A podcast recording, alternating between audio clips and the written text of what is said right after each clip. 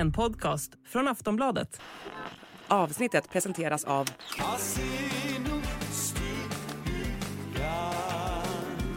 Stödlinjen.se, åldersgräns 18 år. Hej och välkomna till Kungligt. Jag heter Sara Eriksson. Jag heter Jenny Alexandersson. I en omtalad kunglig dokumentär visas en gammal intervju med kungen där han berättar om sina traumatiska upplevelser efter att ha förlorat sin pappa.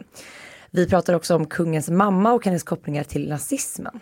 Och så tar vi upp prins Harrys svindyra gåva till sin brorson. Och vi trodde alla att rättsprocessen mot prins Andrew var över. Men nu verkar det som att allt kan börja om på nytt.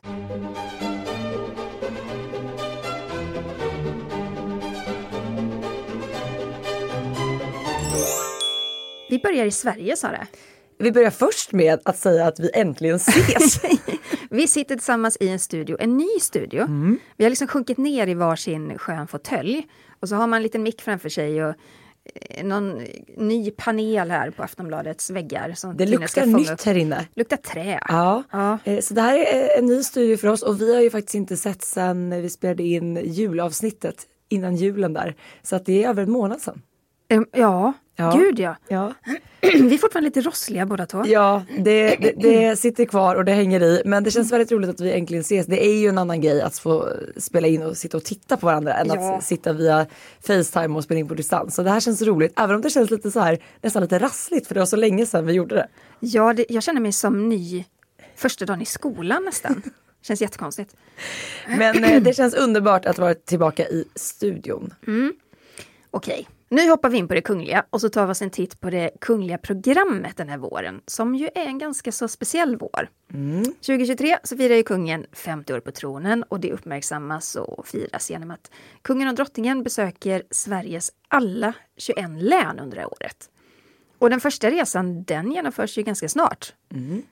9 februari är det dags och eh, då så kommer kungaparet att besöka Södermanlands län. Med, I Nyköping kommer de att vara.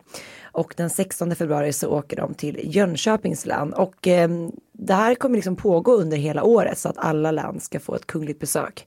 Och det är ju en del i den här strategin att man ska ta ut det här firandet dels av kungens 50 år på tronen men också Sverige 500 år. Eh, 500 år sedan, sedan Gustav Vasa kröntes till kung. Och då gör man de här resorna och det är ju så att man även kommer faktiskt ta med liksom hästar och häst och vagn för att faktiskt kunna ja, men, genomföra korteger i vissa av de här städerna där det är möjligt. Härligt! Men det betyder också att kungen, han kommer befinna sig på hemmaplan en stor del av året. Alltså självklart kommer det bli utlandsresor. Eh, men kanske främst för de andra familjemedlemmarna, för där är det mer business as usual. Och Daniel och Victoria, de ska göra en riktig långresa nu i vår.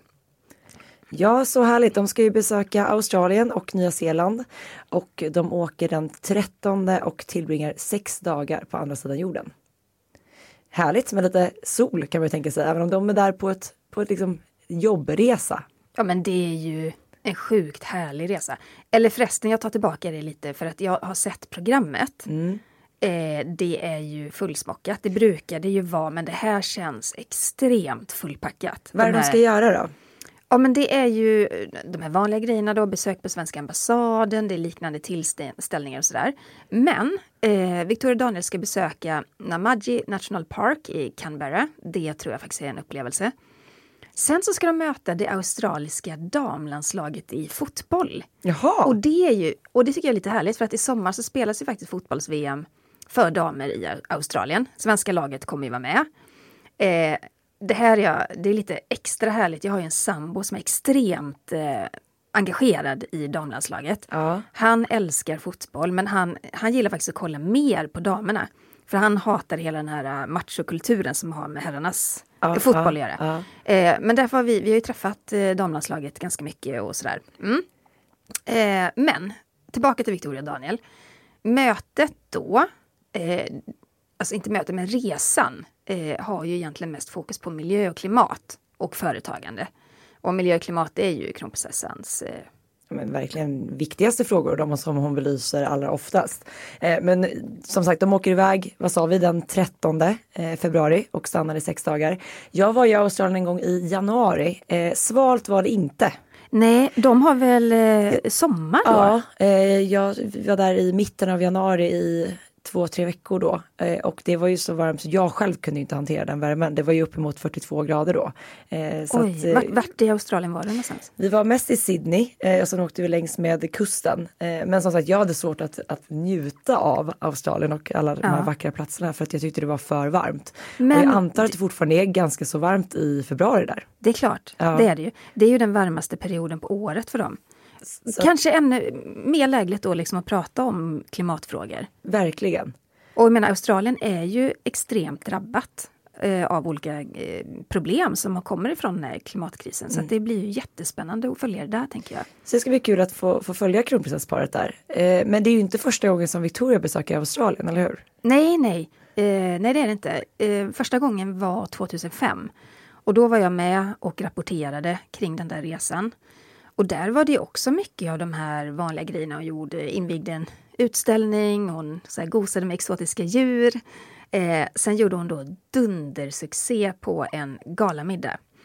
Hon var iklädd en röd galaklänning signerad Lars Wallin.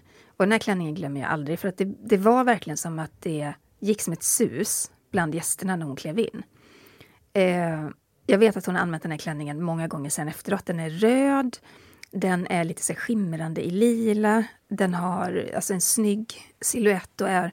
Ja, alltså det är svårt att beskriva den men eh, vi lägger upp den både du och jag på våra Instagramkonton. Det är inte den röda klänningen som hon har burit också vid Nobel?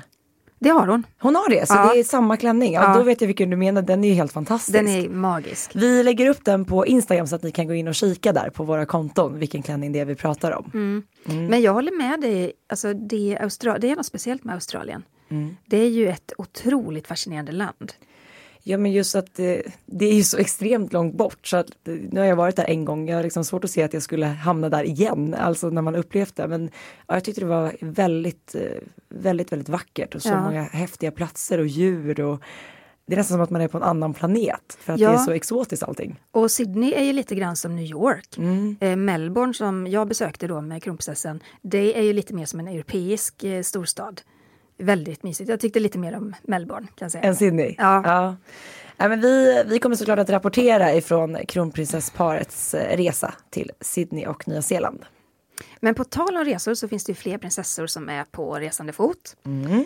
Prins Andrews exfru Sarah Ferguson, hon tog med sig döttrarna prinsessorna Eugenie och Beatrice till Tromsö i Norge det är ändå lite exotiskt kanske att ja, dra till Tromsö. De blev ju observerade i den här lilla staden i måndags tror jag att det var. När de var på väg hem och då var det en journalist som lyckades fånga, fånga liksom några citat ifrån dem på flygplatsen. Och då berättade ju Fergie att de hade varit på valsafari, de hade tittat på norrsken och att hon och döttrarna då älskar Norge. Och eh, ja men vad sa hon mer? Att hon, hon berättade att hon, de älskade att få lära sig mer om hur man hanterar sill av norrmännen. Ja, men, jag studsade lite när jag läste just det där. Eh, hur man hanterar sill. Menar hon då ifrån hur det blir då från att man fiskar upp den till att det blir det eh, ligger på tallriken eller mer hantera det i hur man äter den? För det skulle kanske också kunna vara en utmaning utifrån tänker jag. Ja, kanske både och. De måste ju onekligen ha smakat på sig. Ja, och det är ju väldigt speciellt om man inte är van vid den smaken. Ja, mm. men det är ju någonting väldigt mysigt med Norge. Jag älskar Norge.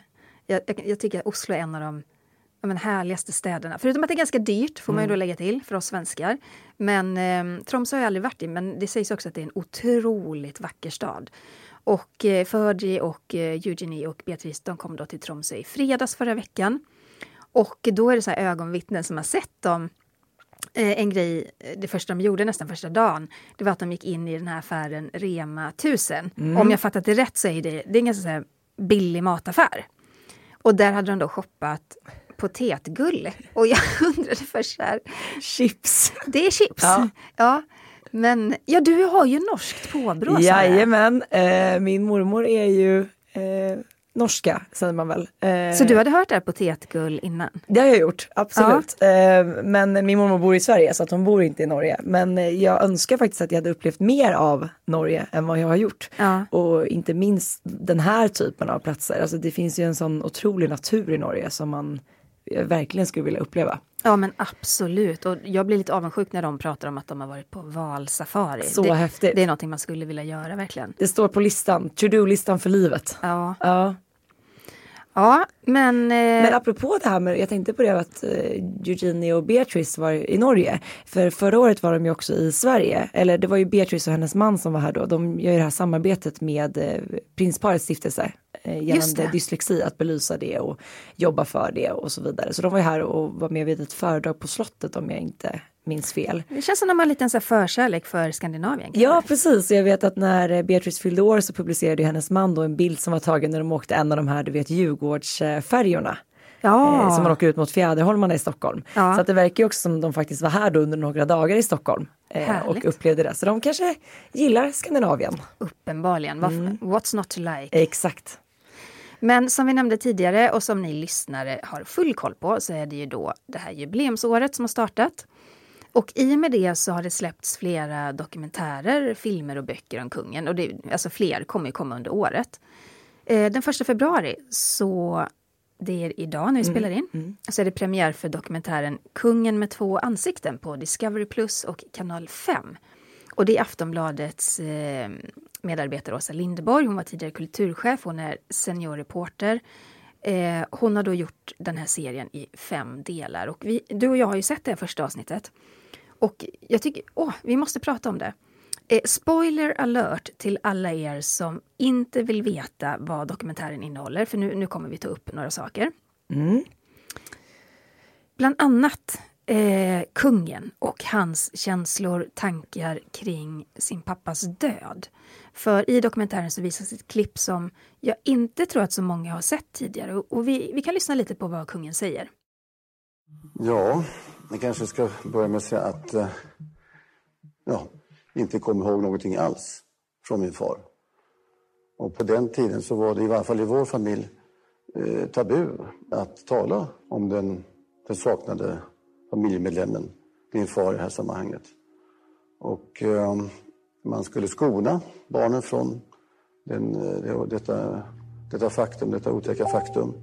Och på så sätt trodde man skulle hjälpa. Men för mig så här efteråt kände man att det var den här tystnaden och jag kom in i rum och man förstod att man pratade om min far men då var det helt plötsligt tystnad och så talade man om någonting annat. Och...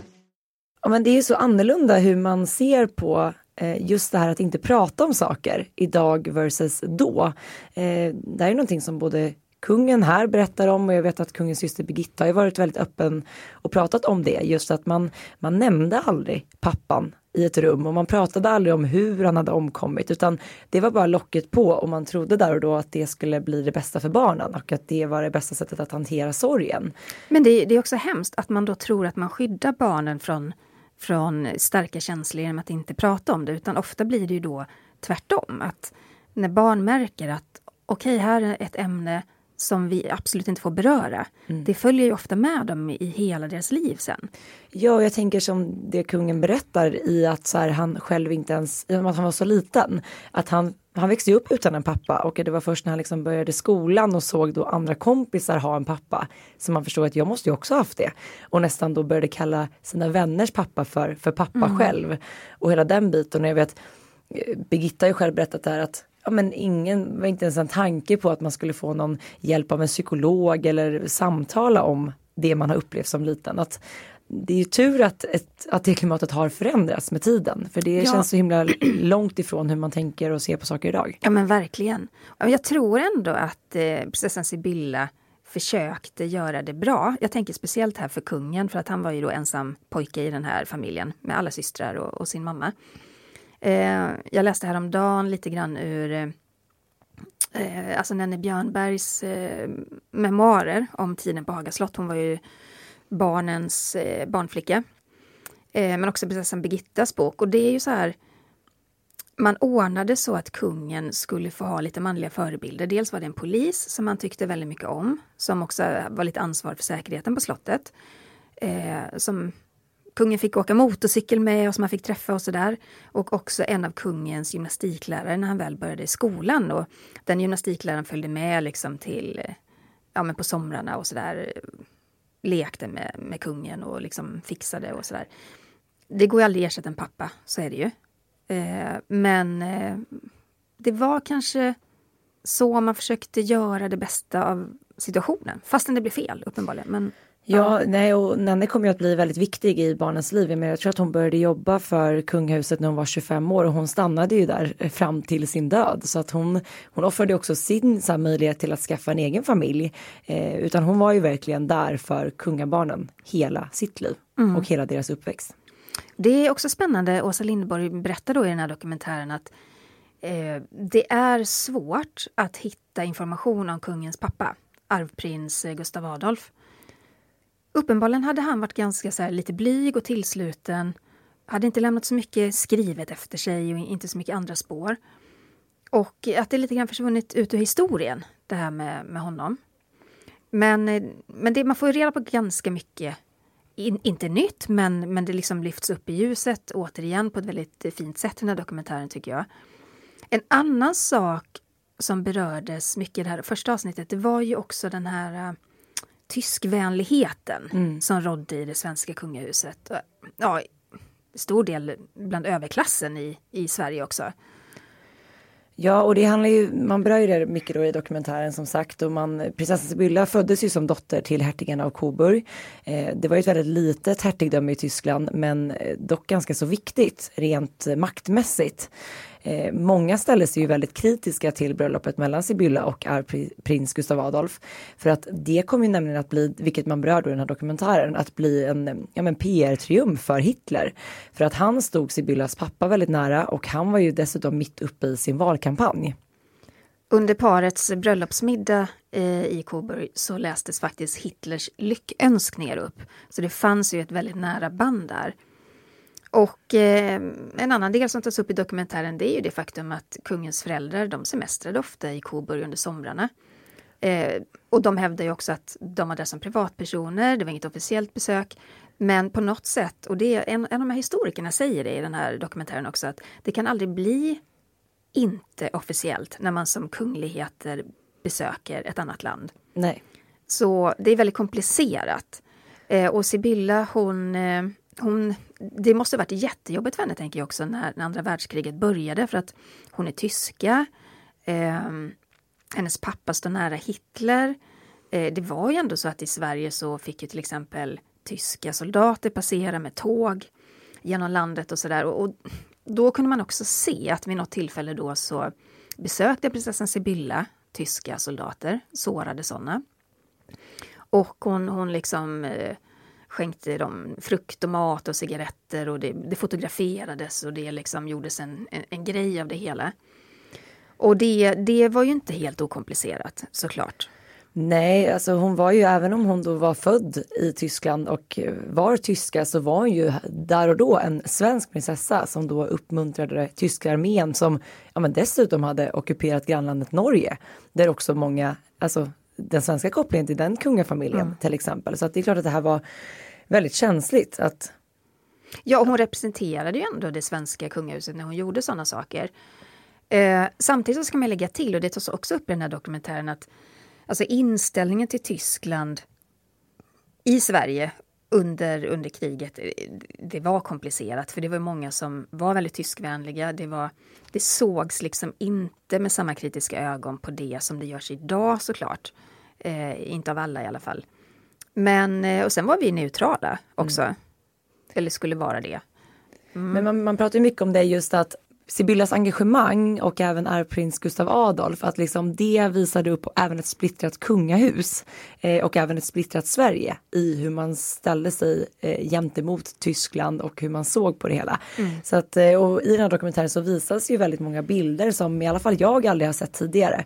Eh, så att, eh, jag tycker det är väldigt eh, spännande. De har fått tag på väldigt bra så här, arkivmaterial som visas upp i den här dokumentären. Mm. Men vi, vi återgår lite till den här tragedin som omgärdade eh, kungafamiljen då. Eh, kungens pappa han omkom ju i en flygolycka 1947. Eh, och Sibylla hon lämnades helt ensam då med, med fem barn. Eh, det var många som kallade henne för tyskan på slottet. Då hade, där, då hade ju liksom folk och opinionen vänt sig mot Tyskland på ett annat sätt. Och då var tyskhatet mycket mer utbrett i Sverige. Så där, hade det liksom, där hamnade hon i en helt annan situation. Tydligen så hade hon fått anonyma hotbrev skickade till slottet. Hon blev ju ganska isolerad på det viset. Och eh, kanske särskilt efter en viss händelse då, där hennes pappa då faktiskt dömdes eh, för, eh, ja men han som medlöpare då efter, efter kriget. Så det här var ju en tuff situation för henne. Ja, och man pratar ju om det att, att när då arvprinsen dog så gick ju Sibylla mer eller mindre in i väggen. Att hon blev väldigt deprimerad och hon var heller inte då särskilt omtyckt i, i Sverige. Eh, hon gjorde ju en hel del så här eh, officiella uppdrag och försökte till en början att, att fortsätta sitt arbete. Men i och med hur man ja men det pågick liksom som en kampanj mot henne mm. i Sverige. Vilket gjorde att hon blev mer otillgänglig i offentligheten och även mot sina barn. Eh, och som sagt, där kommer ju Nenne då, barnflickan, att bli en ännu viktigare pusselbit för barnen i, i livet. Mm. Ja, och eh, prinsessan Sibylla hon fick ju hantera det här med sin koppling till Tyskland om och om igen. Alltså så sent som ja, 1965 då fick hon ju i en intervju då berätta om sina känslor för Tyskland och Hitler och så vidare. Och hon menar på att hon tjusades, inom citattecken då, som alla andra och att ingen riktigt förstod vad, vad Hitler stod för. Eh, och bilden av prinsessan blev inte bättre efter det här uttalandet. Och, ja, men faktum är att hon, hon fick ju lite grann dras med det här eh, tyskhatet och liksom ogillandet fram till sin död 1972. Och det här är ju någonting som även kungen har kommenterat vid tillfälle i en intervju som också visas upp i den här dokumentären. Så vi kan väl lyssna på vad han sa då.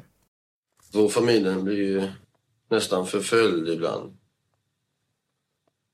Kanske har klarat mig någorlunda. Men eh, min mor har ju varit väldigt hårt åtsatt många gånger för saker som hon inte själv har gjort eller rått om. Ja, det är onekligen väldigt, väldigt intressant. Förlåt, jag är fortfarande rosslig. eh, just att man får, man får liksom en, eh, en annan bild av den blivande Karl XVI Gustav. Eh, särskilt också tänker jag på det här med hans läs och skrivsvårigheter som också tas upp i, i serien. Eh, det är ju kungen, det har han varit öppen med. Och eh, det har ju också hans barn, kronprinsessan Victoria och prins Carl Philip och de jobbar ju väldigt aktivt med det här nu, särskilt Carl Philip och Sofia. Ja, där belyser man ju och pratar om det på ett helt annat sätt idag jämfört med vad man gjorde då. Och det finns väl kanske också mycket mer ja, forskning och erfarenhet kring det idag än vad det gjorde då. Ja, men på den tiden så, så betraktar man ju barn som inte kunde hänga med i skolundervisningen antingen som lata eller som dumma. Och det Åsa Linderborg vill få fram då i sin dokumentär det är ju liksom att den här stämpeln att prinsen eh, ja, men, ansågs vara lite bakom, på något sätt hängde kvar kring mm. honom. Och på, det är upprörande på något sätt, speciellt när man sitter på den kunskapen man har idag. Att, att liksom barn, det, det är ju ett otroligt, för den som är drabbad, otroligt problem att inte kunna läsa, bokstäverna hoppar, det är ett handikapp på det sättet. Och att då stämplas som att man är dum eller lat, det är ju fruktansvärt. Ja, och att då istället för att mata upp det och se till att man får den hjälp man behöver för att ta sig igenom en skoltid så ansåg ju då, det tar man upp i dokumentären, att både rektorn på skolan och även Sibylla då trodde sig då att det här handlar om att han är lat snarare än att han behöver extra stöd eller hjälp. Mm. Eh, så där, alltså det, nej, det, det är så hemskt tycker jag att ta in att det är så många som har blivit stämplade som dumma eller korkade på grund av dyslexi. Och det gick ju så långt eh, att Tage Erlander som var dåvarande statsminister faktiskt hade samtal då med, med den gamle kungen, alltså Carl Gustavs farfar. Och så bestämde man då helt enkelt att nej men eh, nu ändrar vi så att kungen får inte bli kung när han är 18 utan han får vänta tills han blir 25 innan han kan bli statschef. Så man ändrade den regeln helt enkelt. Ja, just också att man då kommunicerar att kungens farfar själv är, alltså att han sades vara orolig för sitt barnbarn. Det är också så här, väldigt hård stämpel att få i så ung ålder när man liksom har det kämpigt i skolan och redan tycker att det är problematiskt med en skolgång. Mm. Att då få den stämpeln ifrån dels sin egen släkt, sin farfar men också hela svenska samhället som menar på att du är inte alls redo för det här uppdraget och vi tror inte att du indirekt är det jag säger, vi tror inte att du kommer klara av det än.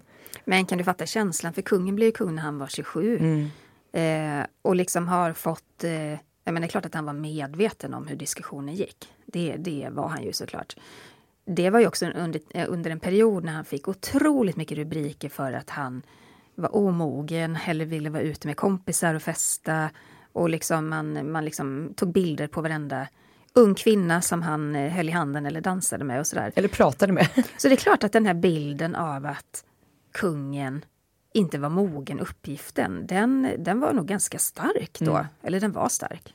Ja, och det i kombination med att monarkin var väldigt ifrågasatt och, och då när man också då insåg att så här, personen här som ska ta över en dag verkar heller inte vara redo för uppdraget. Det är klart att det satte ju monarkin än mer i gungning. Ja, Där den- plus att det var ju också ett annat politiskt klimat. Mm. Och eh, när man då ändrade man tog bort då kungens makt. Det var en av de första dokument han fick skriva under då, 73 när han blev kung, att, att han förlorar sin politiska makt.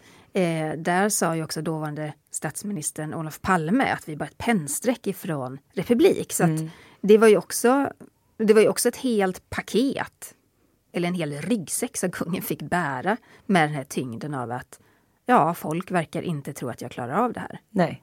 Det är ju inte de bästa förutsättningarna. Nej, och tänkte då att ta plats och liksom påbörja det här, upp, det här stora, det största uppdraget han stod inför vid 27 års ålder med all den vetskapen om vad folk tycker och tänker. Eh, det krävs nog ganska mycket pannben för att klara av det. Vi tar en liten kort paus innan vi fortsätter med Harry och Meghan, men vi är snart tillbaka.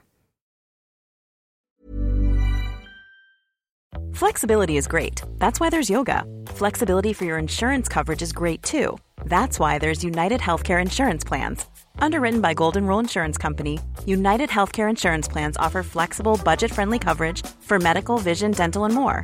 One of these plans may be right for you if you're, say, between jobs, coming off your parents' plan, turning a side hustle into a full hustle, or even missed open enrollment. Want more flexibility? Find out more about United Healthcare Insurance Plans at uh1.com.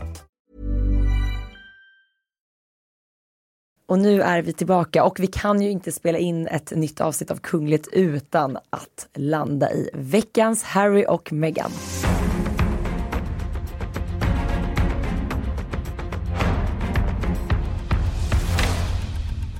Prins Harry, han verkar vara en väldigt generös person, i alla fall när det gäller presenter och gåvor. Även att berätta historier om Ja. sitt liv måste jag säga. När William och Kates son Louis döptes 2018 så blev ju Harry hans gudfar. Och som gudfar så ska man ju såklart ge bebisen en minnesvärd gåva. Och då valde faktiskt Harry ut en första utgåva av Nalle Puh från 1926. Det är, Oh. det, det är exklusivt. Låter som en dyrgrip. Det var det också. Vo- Boken är värd över 8000 pund. Det kan man väl runda av till runt 100 000 svenska kronor. Alltså det är ju, vilken present får man ju säga. Vilken dyr bok, tänker jag. Ja, jo men den är ju alltså, den är ju värdefull. Den är ja. värdefull, jättefin. Och inte helt lätt att få tag på heller, så att Harry hade verkligen ansträngt sig för att hitta den här boken. Och det kanske inte är så konstigt, tänker jag. För det här med att köpa första utgåvor av klassiska barnböcker, det var ju faktiskt någonting som prinsessan Diana startade. Så Harry vill väl helt enkelt starta ett litet bibliotek av barnböcker då till sina tre brorsbarn. Ja, och enligt källor då så byter inte de vuxna julklappar eller födelsedagspresenter med varandra. Särskilt inte efter att eh, William och Harry då hamnat i en, den här infekterade konflikten. Utan istället fokuserar man då mer på barnen och köper presenter till dem istället. Låter ju som nästan vilken vanlig familj som helst. Ja, Ja. ja. men verkligen. Mm. Men prins Andrew då, Sara? Vi Ja. måste ju prata om honom. Det har varit ganska mycket rubriker nu senaste tiden i brittisk press kring eh, den här prinsen. Och eh, han har ju faktiskt en Sverigekoppling. Det har han. Eh, det är då svenskfödda Ulrika Jonsson som nu faktiskt har berättat om sitt möte med prins Andrew för tidningen The Sun. Och vi kan väl säga att Ulrika Jonsson, för er som inte vet, hon är ju och har varit en väldigt stor tv-personlighet i Storbritannien. Ja, Hon var ju också ihop med Svennis. Ja just det, Ja. det var hon. Det är hon i alla fall som du har berättat om det här mötet. Eh, som ska ha skett för 35 år sedan när hon bara var 20 år gammal. Hon ska då ha blivit inbjuden till Windsor Castle eh, men upplevde det inte särskilt trevligt utan snarare djupt obekvämt. Hon säger i intervjun så här att eh, han tittade på mig uppifrån och ner som att jag var en ko på en kreatursmarknad. Eller som att han var Gud. Och det här berättar hon då för The Sun. Och vid det här tillfället då var ju faktiskt eh, prinsen fortfarande ihop med, eller gift med Fergie. Ja. Eh, så det verkar ha varit ett väldigt speciellt och eh, stelt möte och lite obekvämt på Windsor Castle då. Och apropå då prins Andrew, vi har ju pratat väldigt mycket och många gånger eh, om det här i podden. Som ni vet så anklagades ju prins Andrew för våldtäkt av Virginia Giuffre som vid tillfället då var endast 17 år gammal. Och efter de här anklagelserna så stängdes ju prins Andrew ute ur kylan. Det här var 2019, slutet av 2019. Och han fick ju lämna alla kungliga uppdrag. Eh, och vi har ju faktiskt inte sett honom i officiella sammanhang. Eller jo, nu vid jul gjorde vi det, men det var också typ första gången. Och det var lite mer familjärt Ja. än officiellt. Men den här långa rättstvisten den slutade med en förlikning. Andrew betalade en stor summa pengar till Virginia och till hennes välgörenhetsorganisation då, som stödjer trafficking-offer. Men Andrew han har ju vid flera tillfällen förnekat att han ens träffat Virginia. Och det finns ju en bild, en väldigt omtalad bild på de här två. Jag tror Där- jag nästan ni alla som lyssnar har sett också. Ja, prins Andrew står med armen runt Virginia. Hon är väldigt ung på den bilden.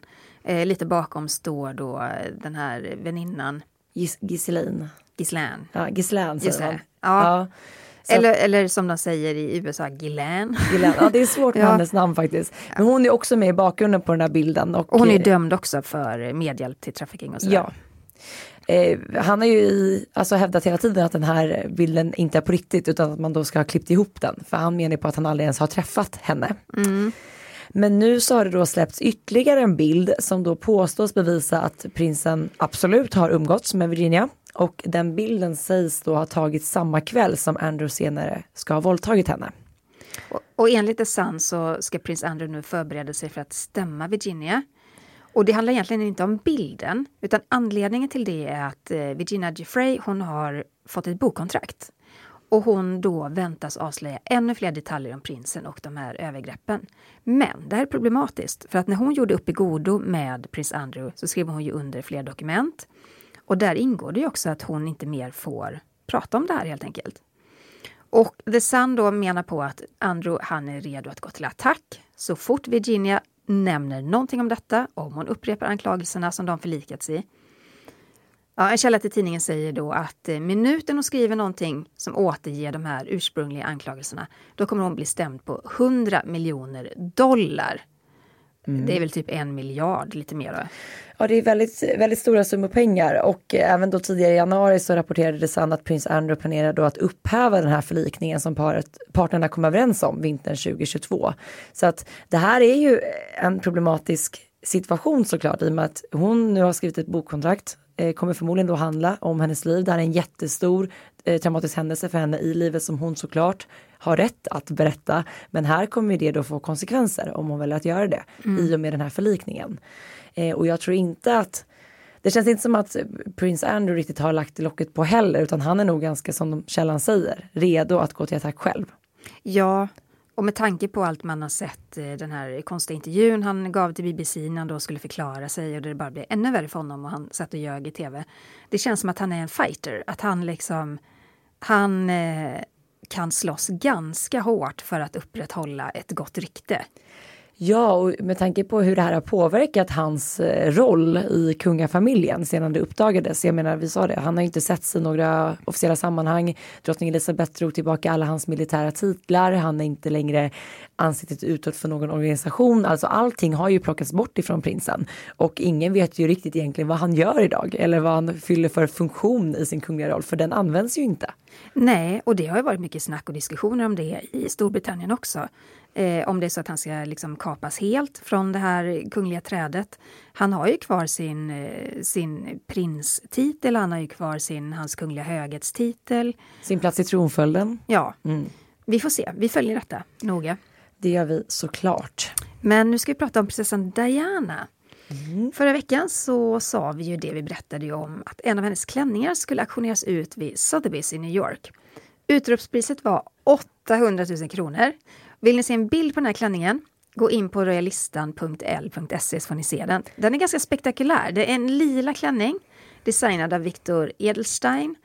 Och eh, Diana bar den vid fotografering 1991. Och när hon plåtades för ett modereportage för Vanity Fair 1997. Och nu kanske ni som lyssnar är lite nyfikna på vad klänningen faktiskt klubbades för till slut, för auktionen gick ju av stapeln förra veckan. Och då kan vi meddela att klänningen budades upp till 6,3 miljoner kronor. Oj. Mm. Ägaren som då sålde klänningen eh, vidare han hade från början då köpt den eh, vid en, den här stora auktionen, ni vet, slutet på 90-talet, jag tror att det var 97 eller 98. Eh, när typ 80 delar av Dianas garderob auktionerades ut och alla pengar skänktes till välgören- välgörenhet. Han köpte då den här lila klänningen för 252 148 kronor. Eh, en bra Oj. värdeökning då till att nu ha sålt den för ja, 6,3 6,3 miljoner. Otroligt. Du ställde ju frågan till mig förra veckan om jag skulle, om jag hade haft pengar, om jag skulle ha köpt en klänning. Hade du gjort det? blivit. 100 prosse, Ja. det kan jag säga. Och du hade haft den som någon så här dekoration i ditt hem? Ja, jag hade nog haft hittat svårt tillfälle att hitta så här, när ska jag bära den? Men det, ja, det hade va- varit någonting, tycker Ja. jag. Hade du vågat bära den?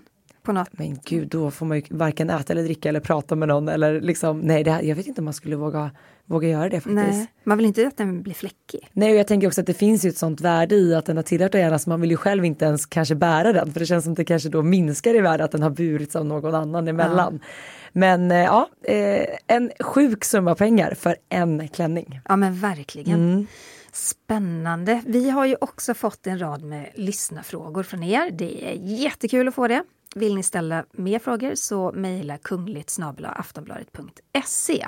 Ja, vi har fått en fråga ifrån Malin som skriver så här. Tack för en grym podd, lyssna varje vecka. Tack själv, Malin. Malin.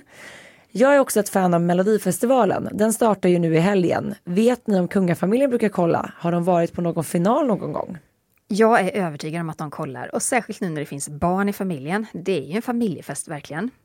Eh, sen tror jag inte att de har varit på någon final. Det tror jag inte.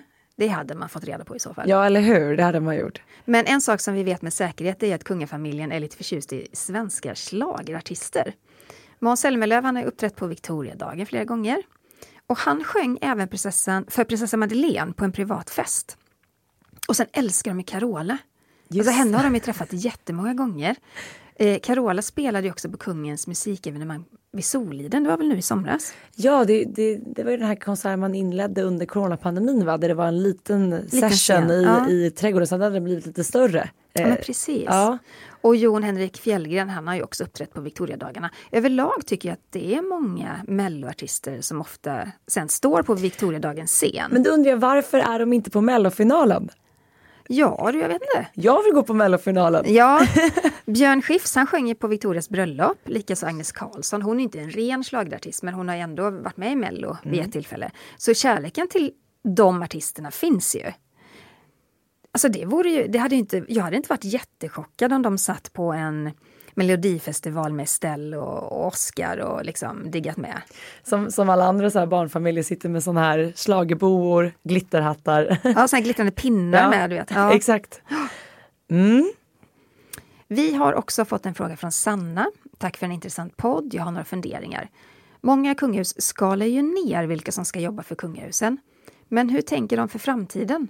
Om det till exempel händer något som gör att en kunglighet som står på tur inte kan ta över tronen, hur gör man då när man skalat ner? Är det inte riskabelt att göra så för framtiden och kungahusens överlevnad? Alltså här går man ju på tronföljden helt enkelt. Och eh, även om man då skalar ner, till exempel i, nu senast i Danmark tänker jag, eh, där då eh, drottning Margrethe beslutade att prins Joakims fyra barn inte längre ska vara en del av det kungliga huset och inte längre då vara prinsar och prinsessor. Så att det är ju också, det är ju så pass stort och brett idag, många kungafamiljer, så man måste ju göra de här, eh, ta de här besluten för att liksom också på ett sätt säkra deras framtid och att de ska kunna utstaka den i, på ett bättre sätt. Jag menar det blir en väldigt så här luddig roll att ha annars, att stå så långt ifrån kronan och inte att, att liksom, vara arbetande kunglighet då eller faktiskt kunna skapa sig ett mer privat liv. Och det är väl mycket därför, det har ju hon själv kommunicerat väldigt mycket drottningen, att hon, hon gör det för deras skull. Ja, och sen är det ju så här att jag menar, eh, de här som blir av med sina titlar står ju fortfarande kvar i Ja. tronföljden. Men om man tittar på Carl Philip och Madeleines barn, ja, de är inte en del av kungahuset längre, men de har fortfarande sin plats i tronföljden och det är den man följer hela tiden. Skulle det mot all förmodan hända någonting som gör att plötsligt Carl Philips barn står på tur, ja, då är de, de är en del av tronföljden. Då tar man ju äldsta barnet där. Så det är inga konstigheter. Så det här med att skala ner har egentligen inte någonting att göra med att det inte skulle finnas personer att ta över en tron. Nej, och, och i och med att man skalar ner så riskar man heller inte någon form av tronföljd utan det är inte det det handlar om. Och det är ju det som är så intressant och det man ofta liksom kommer tillbaka till när det kommer till Harry och Meghan nu till exempel som har släppt den här dokumentären, vi har läst prins Harrys biografi och den här sprickan i kungafamiljen är ju tydligare än någonsin. Men Harry har ju fortsatt sin plats i den brittiska tronföljden. Ja. Så skulle någonting hända hans pappa eller bror, ja men då är han näst på tur. Ja, så det är inga konstigheter. Nej. Men bra fråga. Väldigt bra fråga. Vi har fått en fråga ifrån Anonym här tror jag. Eh, Hej, ni nämnde i julas att kungen och drottningen varit ute på stan och julhandlat. Brukar kungligheterna vara ute och göra sina, sin shopping själva? Både vardagsshopping på mataffären och kanske lite mer klassisk klädhandel. Svar ja. Eller svar både och. Eh, jag har ju mött eh, Carl Philip i chark, vid charkdisken i en butik i, på Östermalm. Eh, ja, alltså visst, de, de shoppar själva. Det är klart att kungen och drottningen är ute och, och köper julklappar som alla andra. Men de är ju inte det till vardags, det är väl det liksom. Eh, kungen och drottningen, eh, det blir ju ett, ett stort pådrag om de skulle varje lördagkväll, eller vad säger varje lördag gå ut och shoppa sin egen sitt eget liksom, eh, mysmat till slottet, utan det har de ju folk som hjälper till med. Och likadant när det gäller kläder så, så är det ju så även för prinsessorna också, inte bara för drottningen, att man har ju stylister. Och det är de som besöker de här PR-kontoren och, och eh, designerserna och showroomen och även går i butiker och handlar. Och när det gäller att handla i butik så går det ofta till så att stylisten, eller kan man hov dem också, eh, köper någonting, kanske i ett par olika storlekar. Sen tas det med till slottet och det är där själva provningen sker. Det som inte passar lämnas ju tillbaka. Och det är ju också för att det är lite svårt för kronprinsessan att ställa sig i en provhytt på NK. Därför att det kommer väcka så mycket uppståndelse. Så att eh, svaret då på din fråga är att ja, de går själva, men de gör det vid valda tillfällen. Det är lättare till exempel för Carl Philip och Sofia att göra det än kronprinsessan och prins Daniel. Men det är jättevanligt att de skickar någon eller att personal vid Haga slott åker ner och gör, eh, inhandlar saker och ting. Ja. En fråga från Ludvig. Kallar folk kungligheterna för ni eller kungen, drottningen, prinsen, prinsessan när de pratas vid privat? Särskilt med tanke på kungligheter som går i skolan. Ja, I skolan så gör man ju absolut inte det. I skolan är ju till exempel prinsessan Estelle Estelle Bernadotte. Och det hade ju varit väldigt jobbigt för henne att till exempel tvingas då att vara prinsessa med stort P och inte som alla andra barn i skolan.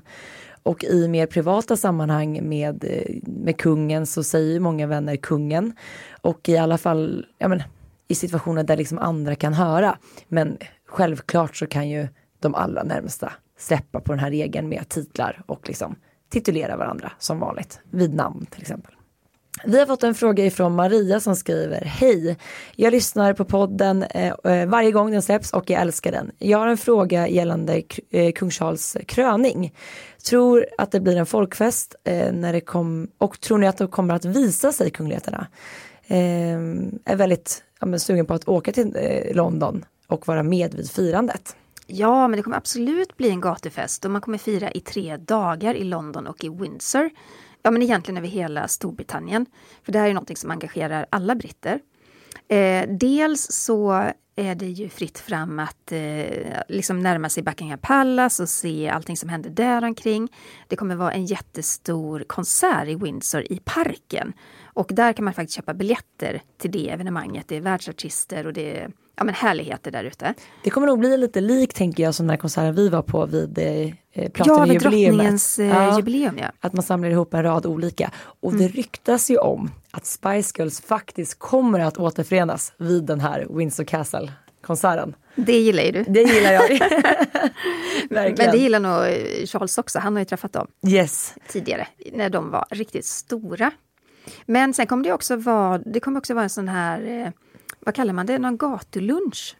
Där det då liksom dukas upp med långbord i städer runt om i Storbritannien. Det hade vi också vid tronjubileet. Du och jag gick ju runt som galningar och letade efter det inne i centrala London. Vi fick det väldigt klart för oss efter långt och länge letande att man dukar inte upp i centrala London. Det beror på avspärrningar, beror på säkerhet. Men ute i landet så kommer det vara mycket sånt. Jag fick faktiskt en, eh, ett meddelande på Instagram där det var en lyssnare som skrev in. Dels hade vi pratat då om brittiska kungafamiljens matvanor i förra avsnittet och då hade skattade de gått i och med att både du och jag ifrågasatte ju varför inte William hade ost på mackan. Ja. Och då var hon så, ja det är ju verkligen ett svenskt fenomen eller skandinaviskt att vilja ha ost på mackan. Det var nummer ett. Och sen skrattade hon lite gott åt just när vi beskrev hur vi hade letat runt som tokar efter den här lunchen i centrala London. Och precis som vi till slut landade i, det här var ju någonting som man arrangerade utanför London och att det var väldigt många organisationer som liksom var ihopkopplade med de här Men till vårt luncherna. försvar, det fanns en interaktiv karta Ja, där det var utpunkt, utpunktat att det skulle vara långbord i London. Så vi följde ju den kartan. det var liksom som så här små pins lite här och Här- var. här där du- vi, här kommer det arrangeras en lunch. Ja. Vi gick dit, det var helt dött. Ja. Hände inte en lunch så långt man kunde titta. Men jag, jag, jag fattade verkligen som att det hade med säkerhet att göra. Ja. För jag menar så mycket folk som det var i centrala London när vi var där. Det var ju Nej, det hade varit omöjligt. Också fylla de här gränderna och gatorna med folk som sitter ner och käkar. Det går inte. Nej. Men eh, som sagt, det kommer att arrangeras den typen av luncher fast kanske mer då utanför London. Vi har fått en fråga från Annie. Hon skriver så här. Jag snubblade över det fakt ett fakta att det finns korpar i Towern. Kan ni inte berätta mer om det? Sara, kan inte du också bara säga vad Towern är så alla fattar? Men är något? är ju det här slottet, eller borgen kan man också säga, som ligger i, i London. Eh, det finns ju väldigt så här mycket historia och väldigt mycket mystik kring den här. Det är ju mycket, där också eh, faktiskt finns ju många och de flesta av kungafamiljens kronjuveler. De ligger placerade då i ett valv under towern och det här det är ju sån extrem bevakning givetvis av de här smyckena. Och lite så har ju towern använts genom historien. Dels för liksom då att skydda till exempel dyrgripar men också att fängsla eh, fångar. Så att, ja, det det är väldigt mäktigt. Har man inte varit där tycker jag absolut att man ska besöka towern. Vi var ju där i våras. Eh, det var en upplevelse. Det var en upplevelse, det kom fram en säkerhetsvakt till oss direkt. Han knappt andas där. Vi hade nämligen en mick och spelade in eh, ljud. Vi gjorde liksom en synk där, alltså vi pratade med varandra. Det fick vi inte göra. Vi blev bannade ordentligt. Ja. han var inte trevlig. Han var, Han var, han var inte trevlig, jag var också lite rädd för honom i flera Ja. timmar efter. Jag Ja. tänkte, kommer han springa ikapp oss nu? Men vi löste det. Men åter då till korparna i Towern. Så här, historien är, och som det fortsatt är, att det alltid ska finnas sex stycken korpar på Towern. De här korparna är ju då fulla av mystik och ska då bland annat då vakta de här kronjuvelerna som bevaras där. Eh, Bland annat Imperial State Crown ligger ju faktiskt där nere. Och eh, det var inte lätt. Dels fick man, när man skulle se den, då var det en lång kö, det var fotoförbud och man fick bara vara en i taget och titta på kronan. Jaha, och hur länge fick man stanna där? Det var inte lång stund. Eh, var det någon som huschade på en då? Ja, liksom? man, man liksom går igenom som en nästan sluss för att se den. Och sen är ju den då såklart inom så tusen plexiglas eller vad det är. Eh, men man får se den där. Korparna sägs då vakta den här kronan bland annat. Och man säger då också att om korparna lämnar towern så kommer brittiska monarkin att falla. Det har ju hänt några gånger, har jag läst på, att de har lämnat towern. Ehm, Men hur håller man korparna där? Ja, men några av de här är ju vinklippta, eh, vilket är lite sorgligt för att de inte ska kunna lämna towern. Eh, sen är det också många vilda korpar som liksom kommer, kommer och går lite som de vill till towern. Men det sägs att den äldsta, kändaste korpen på towern, han kallades Jim Crow och han blev 44 år, har du hört? Kan en- 44 år i Men korp. kan en korp bli 44 Tydligen. år? Helt otroligt. Ja, och när då de här korparna dör så gravsätts de på området och namnet sätts liksom upp på en liten skylt vid graven. Så det finns liksom en liten korpkyrkogård inne på towern. Det här är helt bisarrt Sara. Ja, och jag, när jag var där eh, på Tower så jag gillar inte riktigt fåglar. Jag tycker att fåglar är lite obehagliga och de här eh, korparna är ju obehagligt tama eh, när man besöker dem. Det, jag tyckte inte det var, det var Vadå, bra. vadå obehagligt Tama? Kom de fram men till de, dig? liksom, de, de typ satt på någon bänk där, kommer jag ihåg, och skulle, skulle käka glass eller något, jag vet inte vad jag gjorde. Och de liksom hoppar fram en korp, jag vet inte, det var De är rätt min... stora också. Stora, lite mm, läskiga och nej, Nej. korp är inget för mig. Inte för mig heller. Nej. Nej. Men det är i alla fall historien om korparna på Towern. Så att hoppas att det var ett bra, bra svar till Annie. Tänk då om den här Jim Crow hade hoppat upp där på bänken bredvid dig, 44 år gammal, stackars korp. En äldre korp, äldre än vad jag är. ja, nej, han verkar vara gravsatt där inne på towern. Ja, spännande fråga. Ni har så bra frågor. Ja, men det är så roligt när ni hör av er till oss, att ni lyssnar, ni är så engagerade, ni är så kunniga alla ni som lyssnar. Och det är så roligt när ni ja, men, kommer med både ris och ros. Ja, vi har ju fortfarande många frågor kvar. Vi fortsätter med dem i nästa avsnitt.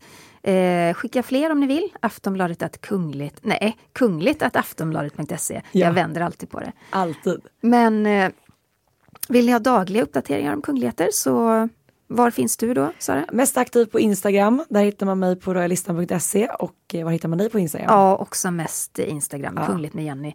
Jag har försökt mig på TikTok, men det är så stressande. Det går inte. Håller du med mig om att man blir åksjuk där inne? Det är så mycket musik och det flyger hitan och ditan. Nej, men plötsligt känner jag mig gammal när jag är inne på TikTok. Jag bara Det är säger, ingen trevlig upplevelse. nej. Men många av er är ju där liksom. Men ni får ha lite överseende helt enkelt. Ja. Tack snälla för att ni har lyssnat på veckans avsnitt av Kungligt. Vi hörs igen nästa vecka. Hej då! Hej då!